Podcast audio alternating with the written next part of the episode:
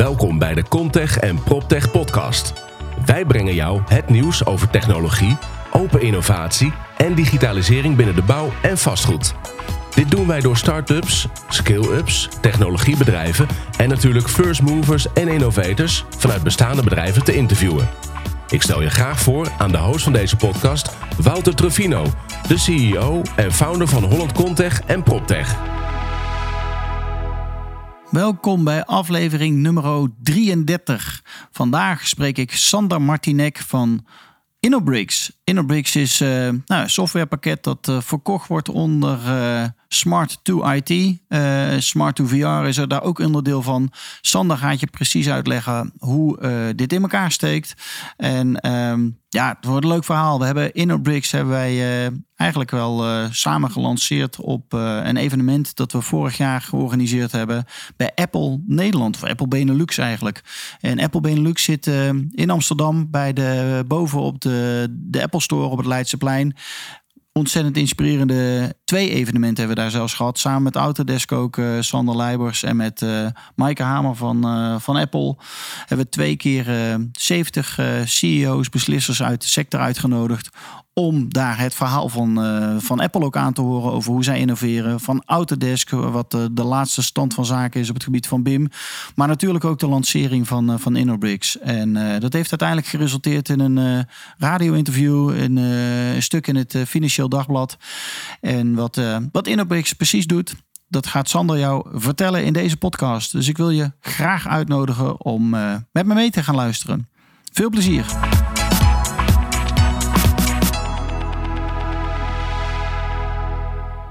Vanmiddag zitten we met uh, Sander Martinek van InnoBricks. Welkom. Ja, dankjewel Wouter. In onze home studio. Ja, het ziet er goed uit. Fruit op tafel. Ja, precies. hey, vertel Sander, wie, wie ben jij? Ja, ik ben, uh, ben Sander. Uh, ben uh, nou, in de bijna vijf jaar geleden met, uh, met Smart IT begonnen. Ehm, daarvoor ben ik werkzaam geweest in de, in de bouw- en vastgoedsector. Heb ik voor, voor aan de Stegge Verenigde Bedrijven gewerkt.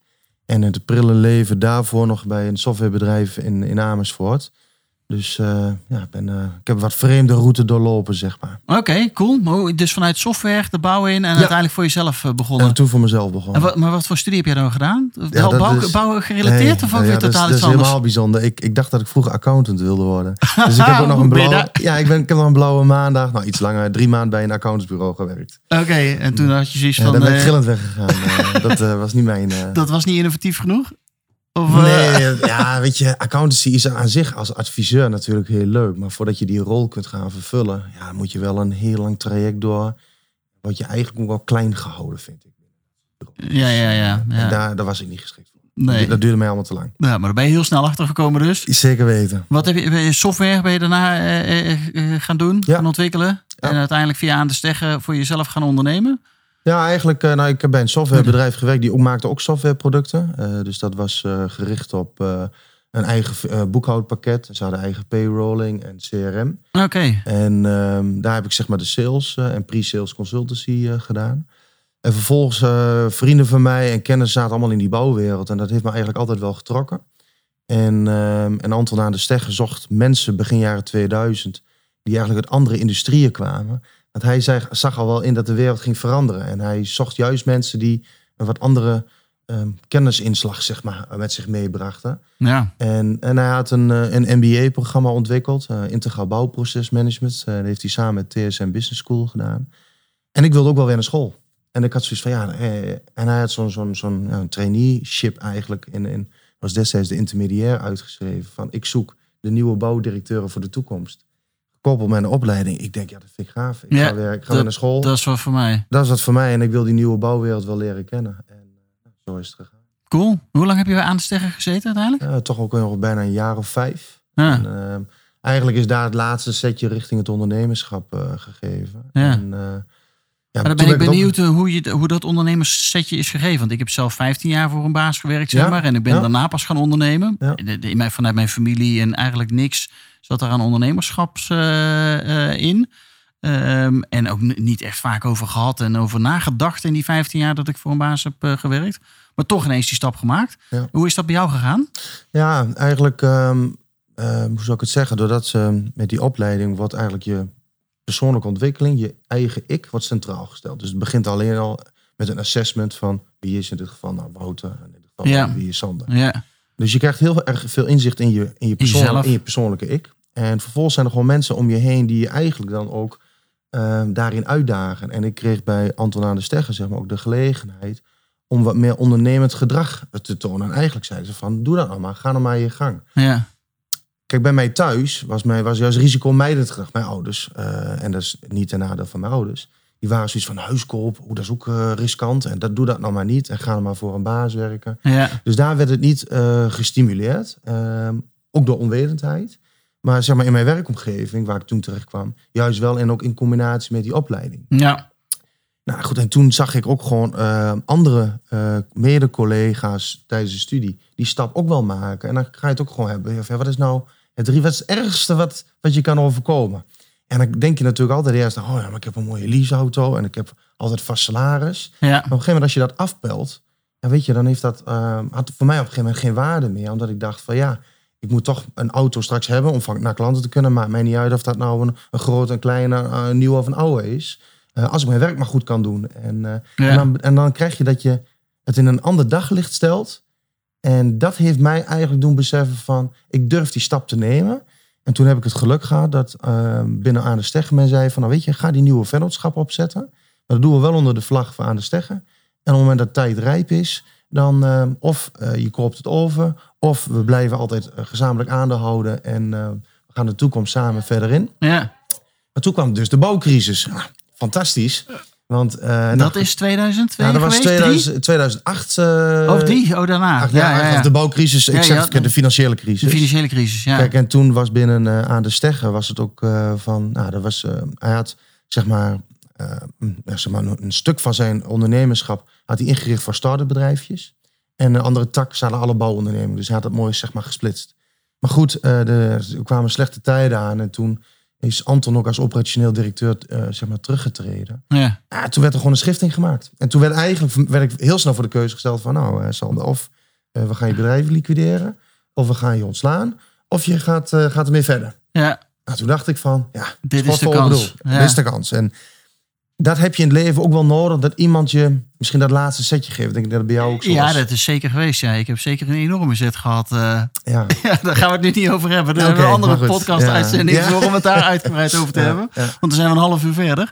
Nee, maar dat, dat setje is inderdaad super waardevol inderdaad. Dat kan je net over die drempel helpen van... hé, nou, nou ga ik het ook doen ook. Dan ga ik er ook voor staan. Ja, En dan gaan we het ook waarmaken ook. eh. ja, want ik precies. geloof erin. ja. absoluut. En als je ook wel, kijk, en als je dan voor jezelf ook afpelt van, goh, hoe kun je je eigen comfort creëren? Hè? Dus bijvoorbeeld, beginsel, hè, als je het dan hebt over ondernemerschap, zorg dat je je kosten heel laag houdt. Want Ja. dan is eigenlijk elke opdracht of klus die jij mag doen, is meteen al van, gelukkig, ik heb ook eh, geld om in de huishoudpot eh, zeg maar, te stoppen. Ja. Of en ik hoef het niet allemaal voor te financieren.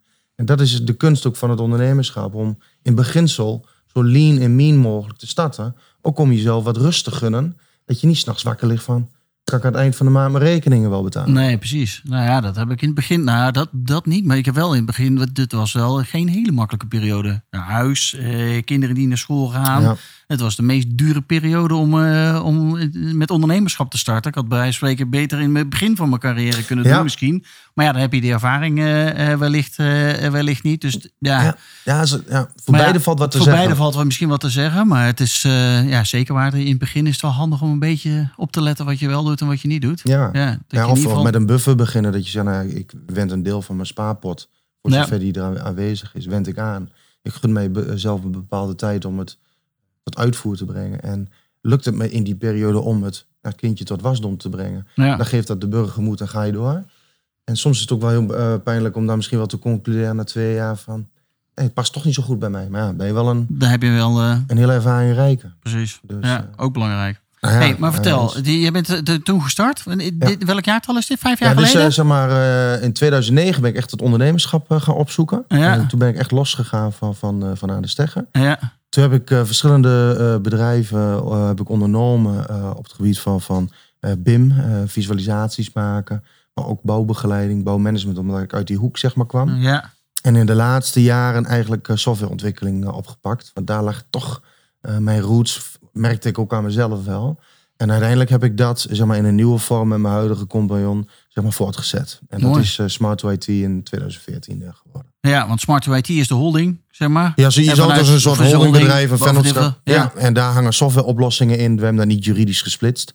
Maar wij treden niet echt met de naam Smart IT meer naar buiten. Het is een beetje zoals een eh, Unilever zichzelf ook eh, positioneert. Doen wij dat ook, dat onze merken, onze softwareoplossingen, dat zijn de gezichten in de markt. Ja, en dat is ontwikkeld door het ontwikkeld softwarehuis eh, Smart IT. Ja, precies. Ja, duidelijk. Ja, Ja. leuk. Vertel, wat, wat voor softwareontwikkelingen eh, brengen jullie dan naar de markt? Nou, wij zijn in 2015 gestart toen virtual reality zijn intrede deed eigenlijk. eh, of eigenlijk de herintreding, want de, de technologie is eigenlijk al sinds Ja, dat is al jaren 30 jaar oud of zo. Precies, dus ja. dat is niet echt meer vernieuwend. Ja. Maar ehm, Oculus, hè, die, de onderneming die door Facebook overgenomen is in 2014, Ja, heeft natuurlijk VR weer op de, op de kaart gezet. Ja met een bril. eh, ja, met ja. Een, destijds met een Kickstarter project. En toen waren wij best wel nou, onder de indruk van, nou, dit, dit kon wel eens wat worden. Maar toen vervolgens eh, Google zo'n beetje halverwege, nou, volgens mij was het in mei of juni, eh, de cardboard introduceerde. Dus het Ja. kartonnen brilletje waar een smartphone in kon. En toen hadden we wel zoiets van, oké, dus als dan naar de smartphone gaat, want iedereen heeft een smartphone, dan kan het wel eens Dan komt het al heel dicht bij de dan komt het wel- consument. Exact. Nou, toen zijn wij gestart met het platform Smart to VR te ontwikkelen. En dat hebben wij ehm, zo'n beetje, wat is het, halverwege 2015 op de markt gebracht. Eh, Smart to VR is het platform waarmee je zelf een appje kon bouwen. En virtual reality content zelf kon toevoegen. En dat eh, op je smartphone kon afspelen. Ja, Dus eh, nou, de markt, ook in de bouw, was weer in een opgaande lijn. Dus je zag ook weer dat de investeringsbereidheid toenam. En we probeerden natuurlijk voor, voor nou in dit geval voor 1500 euro per jaar, had je al een applicatie.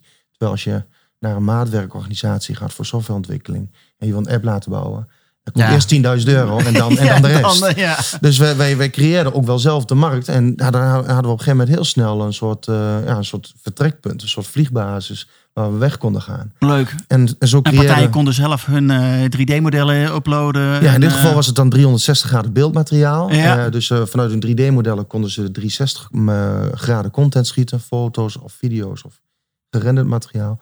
En dat konden ze bij ons konden ze zelf inloggen, uploaden en dat konden ze allemaal bepalen. En, zo hebben we eigenlijk in een relatief korte tijd toch een, een 60, 70 klanten daarop aangesloten. En eh, was dat voor ons eigenlijk de begin van onze eerste softwareplatform, wat we dus in de markt gingen zetten. Cool. En dat was gewoon heel gaaf. En, eh. Van kleine tot, tot, eh, tot hele grote ondernemingen. Bouw, maar ook niet eh, bouwondernemingen. Ah, ja, cool hoor, leuk. En, maar uiteindelijk hebben jullie, want jullie hebben meer dan alleen Smart to VR. Jullie hebben ook InnoBricks. Ja, klopt. Ja. Ja, in de tussentijd waren we daar al mee bezig. Met die hele ontwikkeling van, van InnoBricks. Dus het, je, je huis zelf samenstellen in 3D.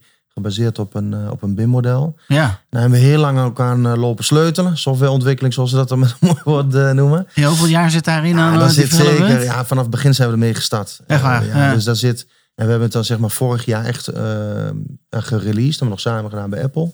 Ja, dat was leuk. Dat was een mooi evenement inderdaad. Dat fantastisch. Het hoofdkantoor van. Apple Nederland in Amsterdam. Boven de Apple Store. Ja, Kon niet- twee, kon keer, niet twee mooier. keer, hè? Twee dagen. Met twee keer zo'n beetje 50, 60 man uit die bouw- en vastgoedsector. ja, fantastisch. Ja, was heel leuk. Ja, daarom dus Allemaal iPadjes die werden uitgedeeld Ja. aan iedereen. Kon Ja, dat- iedereen dat, door het eh, model heen. Ja, dat was ook gaaf dat Apple dat natuurlijk goed gefaciliteerd eh, had. Ja. Door met zo'n zo'n mooi rolwagentje en inderdaad zoveel iPads daarop. Ja. Ja, dat is natuurlijk waanzinnig en dat heeft natuurlijk wel een, een statement eh, kunnen maken. Ja. En, was voor ons een fantastische lancering. ja, en volgens mij ook nog een artikel in het FD uiteindelijk. Ja, ook en, nog. Ja, en de BNR Nieuwsradio, Ja, die nog reageerde. Dus ja, aan publiciteit eh, geen was die aan. lancering was niet verkeerd. eh. Die was eh, waanzinnig. Nee, Ja. dus weet je, daar kijk ik nog steeds met eh, heel veel eh, vreugde en eh, ja, heel veel enthousiasme op terug. Ja. En, eh, dat brengt ook wel dat dat soort dingen helpen. En dat is mooi ook van, van het netwerk waar we dan eh, met jou ook in zitten. Dat je dit soort dingen, ja, ze komen dan voorbij. Aan de andere kant, ze werden ook samen gecreëerd. Hè? Want ja,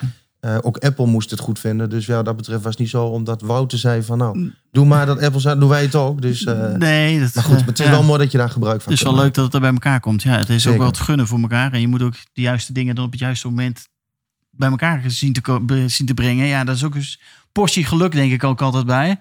Eh, ja, Maar ja, als je elkaar kent en je weet eh, wat, je, wat je doet, dan, eh, ja, dan kunnen dit soort dingen ineens ontstaan. Dus dat is hartstikke mooi. Ja, absoluut. Maar vertel, InnoBricks, wat doen jullie precies? Nou, wat wij dus zien, zeg maar, is al, nou goed, de, de bouw is al jaren bezig om haar, of in dit geval ze even op de woningbouw richten, haar modellen te modelleren in 3D. En daar gebruiken ze software voor. Onder andere voor Autodesk, maar ook andere systemen. Ja, Maar goed, je ziet in Nederland wel dat Autodesk marktleider is op dat gebied.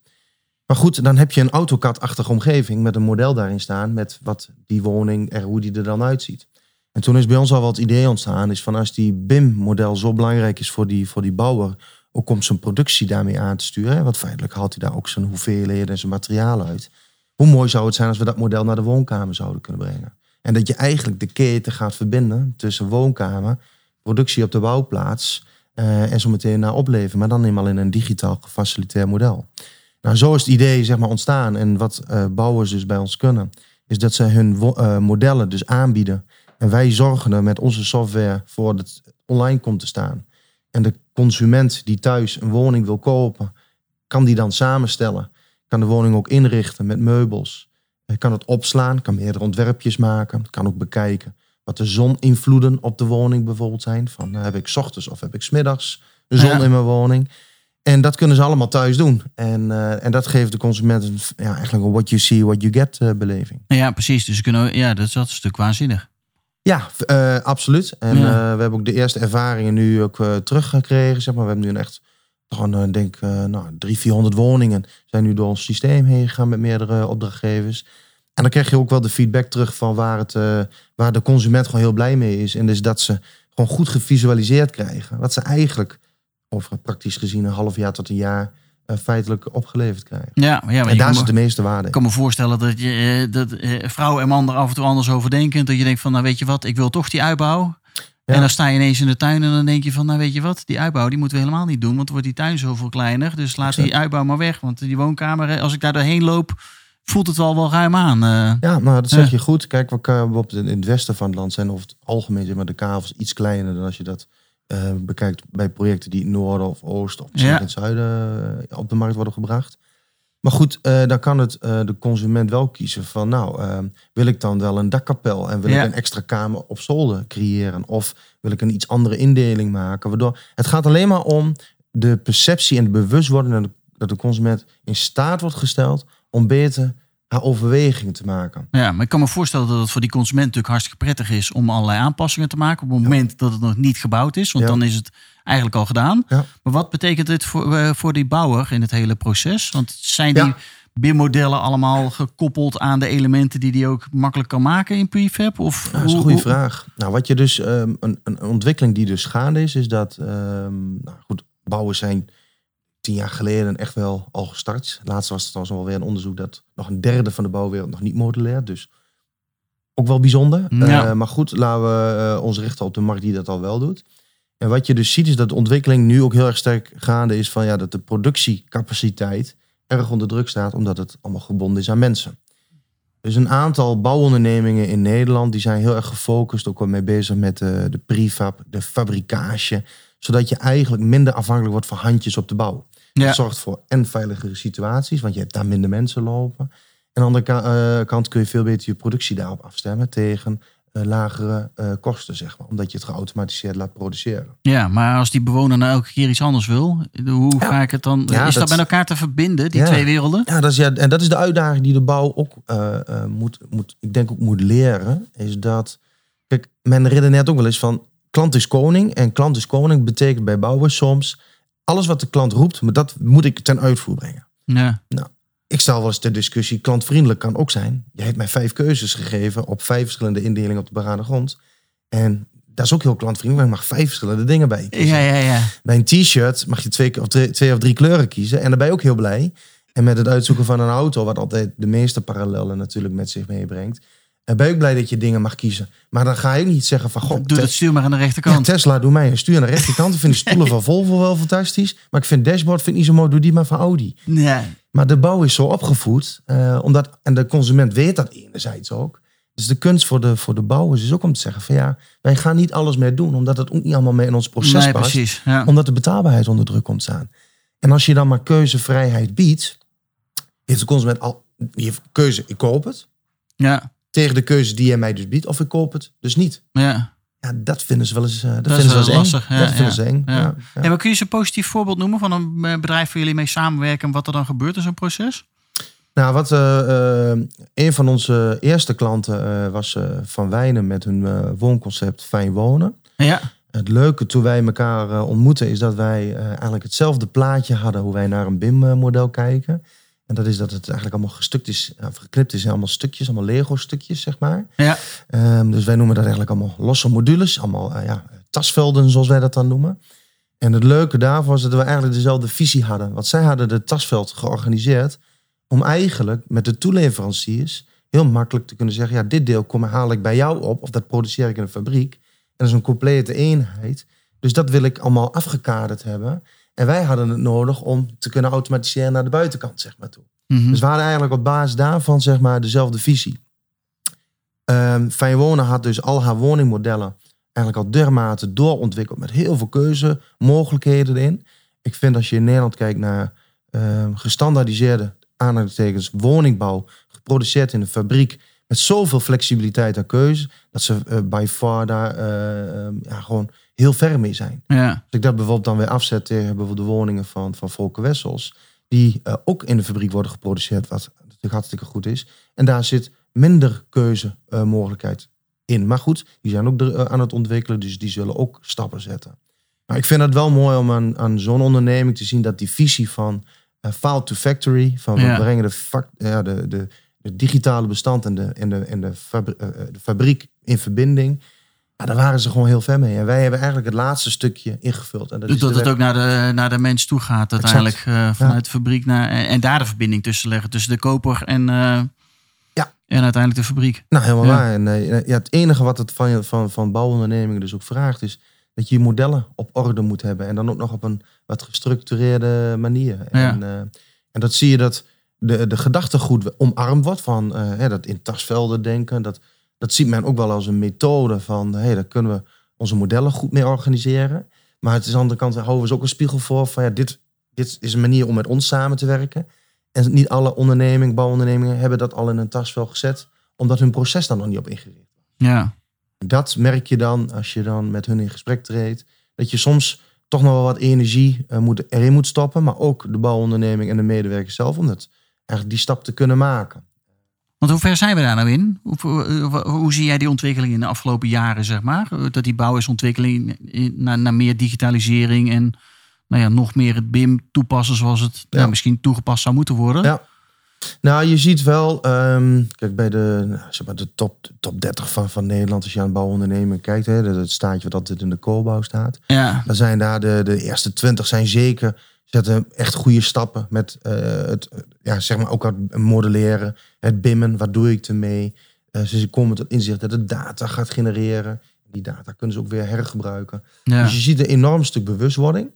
Ehm, kijk, in eerste instantie hebben ze het ge- ge- eh, ingezet om hun ja, afstemming met al die partijen waarmee ze samenwerken, maar ze in één model te tekenen. Dus om eigenlijk de faalkosten te, te, reduceren. te reduceren. Ja, maar ja. en, en nou zie je dat een bijkomend effect is dat je data opbouwt en dat je eigenlijk ook nog weer andere eisen aan je model gaat stellen. Behalve dat die geometrisch goed in elkaar moet zitten en dat eigenlijk de kozijnen op de juiste plek staan, zeg ik even heel ja, ja, ja. Maar doordat je die, die bewustwording nu krijgt, en dat zie ik dus wel bij de, de wat professionele eh, partijen, eh, zie je ook dat ze, nou, dat ze de tijdshorizon iets verder kunnen leggen. Van, oh, dus daar gaat het naartoe.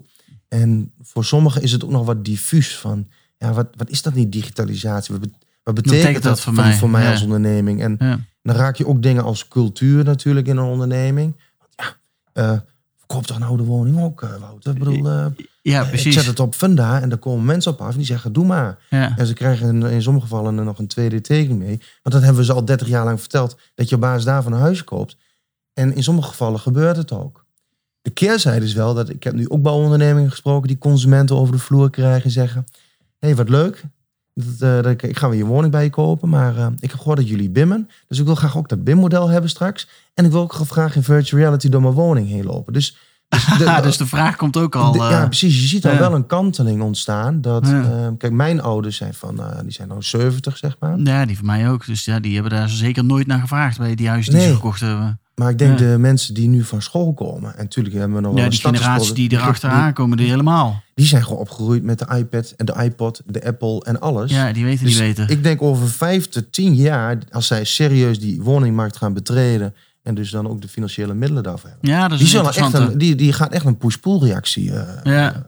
creëren. Ja. Van, ik wil wel, maar ik wil wel graag in 3D mijn woning zien. En by the way, als die opgeleverd hebt, wil ik dat, Wil ik ook dat model. Wil ik dat ook hebben. Dus- Ja, want dan moet je een keer een, eh, een leidingje of een gaatje boren ergens. En dan wil je ook weten of er een leidingje achter, eh, achter de muur zit eh, waar je die niet wil raken. nou ja, Ja. zo is het wel. Dus ja, dus dat, ik kan me voorstellen dat dat gaat zeker veranderen. Of dat gaat nog meer druk leggen op de verandering. Ja, het dat denk ik wel. Ja. kijk, de, de huidige woningmarkt helpt in die zin daar natuurlijk nu niet aan mee. Omdat, ja, ondanks zo dat de prijs... Het gaat natuurlijk... Iedereen wil een woning hebben. Het is natuurlijk wel de betaalbaarheid staat nu heel erg onder druk. Ja, Ehm, maar goed, dan wordt soms wel eens gebagatelliseerd. Ja, waarom zou ik dan digitaliseren? Want als ik het... Ik verkoop het toch wel. Snap je? Ja.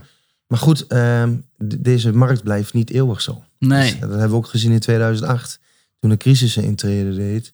Dus ja, ook die markt zal... er, eh, we zullen ook weer met een afvlakkende markt straks te maken krijgen. Ja, ergens. eh, Ehm, of de rente gaat omhoog en dan komt er nog meer de betaalbaarheid onder druk. Dus ja, er ontstaan wel invloeden van buitenaf ehm die dat eh, gaan beïnvloeden. Ja. Ja, mooi. Hey, wat is jullie, eh, want jullie bouwen elke keer eh, nieuwe software. Kun Ja. je al iets vertellen waar de, de nieuwe ontwikkeling waar jullie mee bezig zijn? Heb je iets Ja. waarvan je zegt van nou, als we dit toch zouden kunnen gaan bouwen? Nou ja, goed, we gaan natuurlijk de, het huidige platform InnoBricks eh hebben we echt nog meer capaciteit opgezet. Dat gaan we nog meer doorontwikkelen. Ehm, bijvoorbeeld echt datageneratie willen we eruit gaan halen van. eh, wat vinden mensen dan? Nou, de keuzes eh, die ze gemaakt hebben. Het kan ook zijn dat jij drie ontwerpjes met je vrouw samen hebt gemaakt. Maar uiteindelijk kies je maar één ontwerpje, omdat die bij jouw portemonnee past. En wat is dan bijvoorbeeld, wat had je graag willen hebben en wat heb je nou genomen? Ja, Dat soort dingen wil je heel graag weten. En- ja dat als je over drie jaar dat je weet dat die mensen er al wat langer in zitten. En eh, dat je Nou. dat mist met de data uit weet ik veel niet wat voor bestand dat ze een kleine hebben gekregen. Van hé, hey, wilden jullie toch die dakkapel? is, kun je zeg daar maar, als zoals, al op inspelen. nou, bijvoorbeeld, het is net Ja. zoals de blije doos. Ik weet niet, als je, als, eh, ja, ja, als je ouder wordt, dan krijg je op een gegeven moment de blije doos thuis gestuurd. Dus er zitten allemaal babyproducten in. Maar dat is dan het signaal dat heel veel, eh, dat, zeg maar, als je in de retailmarkt, die spelen daar dus op in. Die spelen daar volledig op in. Ja. Nou, dat kan de bouw dus ook doen. Door te zien van, hé, hey, eh, Wouter heeft een kleine gekregen. Het zou misschien wel aardig zijn dat we misschien nog weer activeren om naar zijn 3D-woning te gaan. Om te zien van, Misschien hey, toch die uitbouw die je niet genomen hebt. Of wellicht toch de zolderkamer verbouwen. Zodat je daar nog een extra slaapkamer kunt creëren.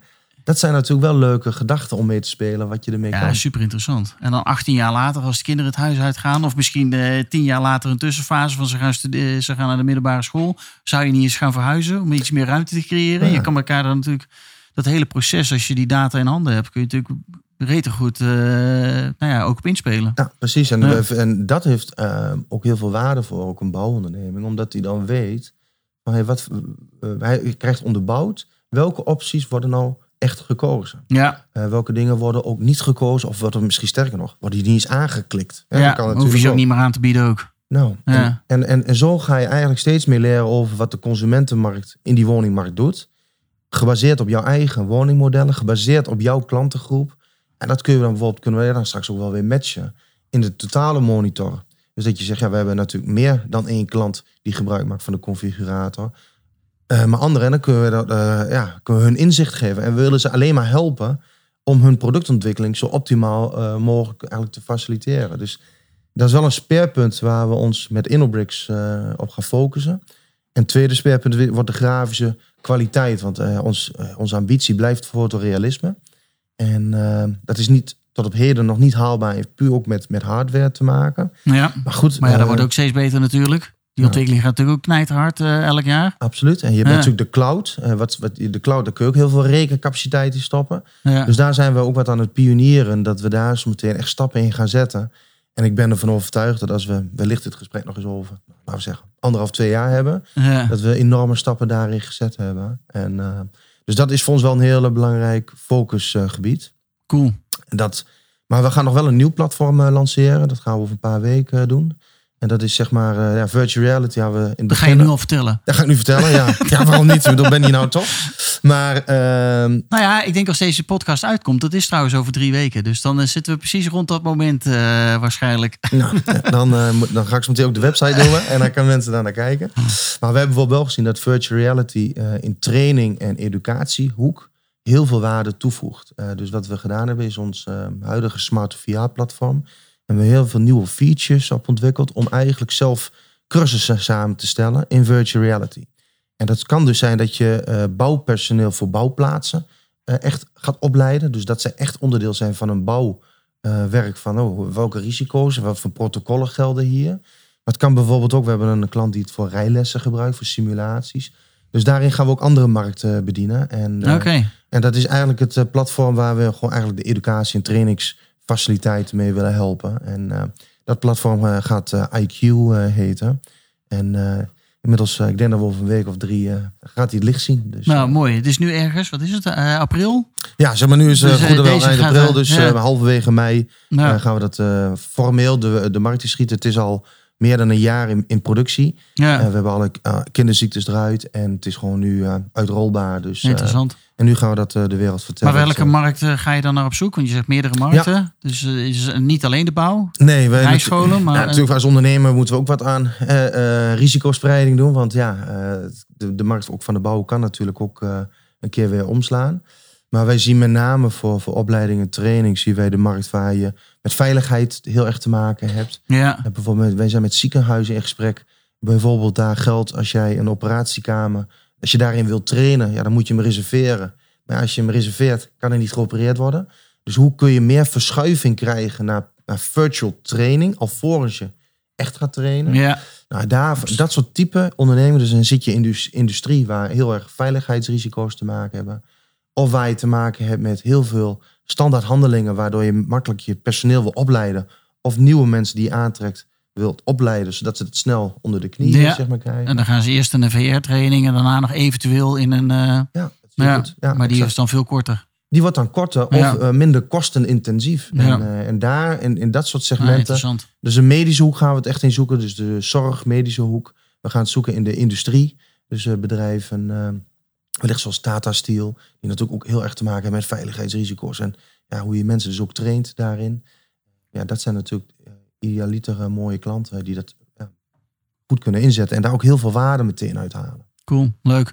Hey, even terug naar de bouw. Ja. InnoBricks, eh, wat voor klanten ben je daar? Nou, ben je nog op zoek naar klanten? Of heb je zoiets van, nou, het gaat wel goed met InnoBricks? Ja, het gaat wel goed. Maar, maar de, de ambitie die wij hebben is natuurlijk dat we toen een, een, een mooi marktaandeel willen eh, verkrijgen. En, ehm, Wat voor soort type klanten ben je naar op zoek? Waar Nou. worden jullie het meest gelukkig van? wij worden blij van, van ondernemingen die ehm, denken vanuit ehm, nou, toch wel het prefab eh, produceren van woningen. Ja, Eh, die dat geautomatiseerde denken in zich hebben. Want, en dus inzien dat je daarmee een geautomatiseerde keten kunt bouwen. En als je dat dus doet, dan ga je, ga je rendement ook echt omhoog. Omdat je bepaalde keuzes, eh, ja, dat kan niet, maar dat kun je ook heel goed aan de voorkant vertellen. ja, En dat zijn dan vaak door ook eh, nou, partijen die eh, op, ook optreden als ontwikkelend aannemen. Dus zelf ook wat aan projectontwikkeling, dus activiteiten on- on- ondernemen. Dus grond en daar een woning seriematig eigenlijk opzetten. Dat zijn eigenlijk de type klanten die heel goed bij, ons, bij ons passen. Zeg. maar. nou mooi. Cool. En ja, goed, Nederland, we zijn net begonnen. Dus we bouwen 60.000 woningen. Althans, dat is de ambitie. We halen er steeds maar 40. Maar ik zal heel blij zijn als wij daar eh, nou eh, 5, 5% van mogen doen. Zeg maar 2 tot Jaarlijks. 5000 woningen Ja. door ons systeem heen gaan. Ja, Nou, ik heb al verteld dat we dit jaar een aantal... eh, nou, of 2018 zaten er zeg maar eh 200, 300 woningen in. Nou goed, dat moet gewoon daar dat moet naartoe. groeien. Ja. Dus wat dat betreft, we staan nog heel erg aan het begin. ja. En dan, uiteindelijk wil je ook nog in Europa in? Of is Nederland Ja. voorlopig de markt voor jullie? Nou, voorlopig wel, maar ik zeg je ook wel bij, eh, ik denk dat Nederland ook te klein is. En dit is ook wel weer een van de punten waar ik, waarom ik snap dat eh, eh, bouwondernemingen het ook best wel lastig hebben soms met innoveren. Maar als jij een, eh, een keten helemaal geautomatiseerd wil hebben met, met hele fabrieken erachter, moet je dermate veel Ja. investeren. Ja, En dan is je afzetmarkt in Nederland natuurlijk relatief klein. ja. Plus dat de posities dan weer door elders de andere partijen ingenomen zijn. Dus die markt is wat lastig. Eh, maar goed, het proces hebben we zo generiek opgezet. Dat wij ook kijken naar eh, scheepsbouw. We kijken ook naar andere markten. Maar ook te maken eh, te hebben met, met 3D-modellen, met productie. Ja, en productie. Ja, Dus daar kijken we naar. Ehm, en we gaan ons komend jaar gaan we ons oriënteren op welk land in Europa een vergelijkbare woningmarkt heeft als het gaat om seriematig produceren. Daar zullen wij ook vervolgens proberen ja, onze voet aan de grond te krijgen. ja, cool. Zeker, leuk en voldoende uitdaging. Nou, mooi. Dan hoop ik dat we jou over twee jaar weer terug hebben in deze podcast. Want ik ben benieuwd waar jullie dan uh, staan. Uh, we gaan, en de ontwikkelingen die er dan zijn. We maken een afspraak, Wouter, en we zien wat er gaat gebeuren. Cool. Ik wil je heel veel succes toewensen in mei met de lancering van IQ. Ja, dankjewel. En nou, mochten we je ergens bij kunnen helpen, dan weet je ons te vinden. Zeker weten, dankjewel. Dankjewel, Sander. Doei.